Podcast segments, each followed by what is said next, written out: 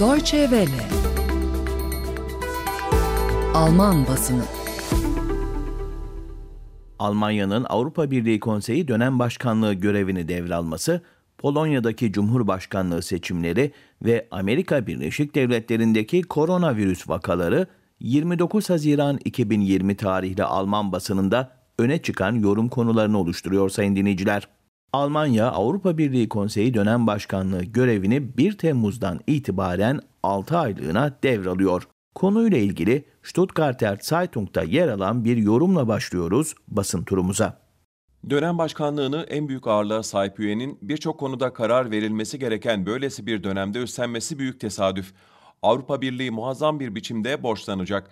Pandemi öncesinde kabuk bağlamış birçok ekonomi branşına yeni bir itki vermek için dev miktarda parayı ele almak gerekiyor. Eğer yatırımlar akıllıca yapılırsa Avrupa kısa süre içinde daha iyi bir duruma gelebilir. Ancak iş kötüye giderse milyarlar toprağa gömülür ve torunlara da bir borç yükü bırakılmış olur. Avrupa'nın Ocak ayında gelip çatacak olan Brexit'in anlaşmasız olma ihtimaline hazırlanması gerek. Göçmenlerin nasıl paylaştırılacağına dair tartışmanın da uzlaşmayla çözümlenmesi gerekiyor. Yine aynı konuyu ele alan gazetelerden Straubinger Tagblatt, Landshuter Zeitung ise Başbakan Angela Merkel'in krizlerin üstesinden gelebilme becerisine vurgu yapıyor. Başbakan krizlerin üstesinden gelebiliyor. Federal hükümetin başında geçirdiği 15 yılda Angela Merkel büyük güçlüğe katlandı. 2008-2009 yılında bir euro krizine dönüşen ekonomik kriz, 2014 Kırım krizi ve bir yıl sonraki göçmen tartışması. İklim krizi de tüm bu zaman zarfında hep varlığını sürdürdü. Merkel'ın siyasi kariyerinin kapanışındaysa şiddetiyle önceki krizlerin hepsini aşan korona krizi patlak verdi.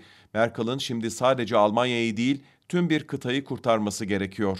Değerli dinleyenler, Polonya'da halk Cumhurbaşkanlığı seçimlerinin ilk turunda oy kullanmak için dün sandık başına gitti.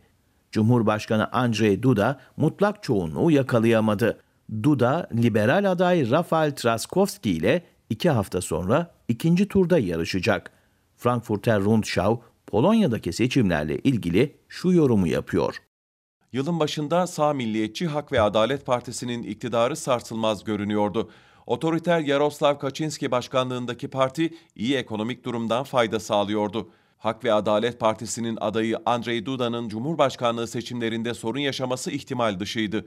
Pazar günü ise Duda'nın liberal Varşova Belediye Başkanı Şartskovski ile kozlarını ikinci turda paylaşacağı görüldü. Ne oldu da böyle oldu?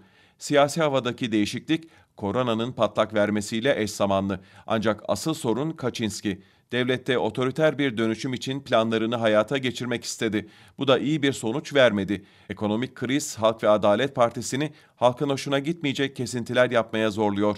Avrupa politikaları konusunda da parti sahip olduğu görüşlerle bağdaşmayacak şekilde hareket etmek zorunda kalıyor. Hak ve Adalet Partisi Avrupa Birliği karşıtı bir parti. Polonya ise Avrupa Birliği'nin başarısına bağlı. Şaskovski gibi siyasetçiler dünyaya açık bir siyasetten yana. Uzun vadede başarılı olacak olanlar da onlar.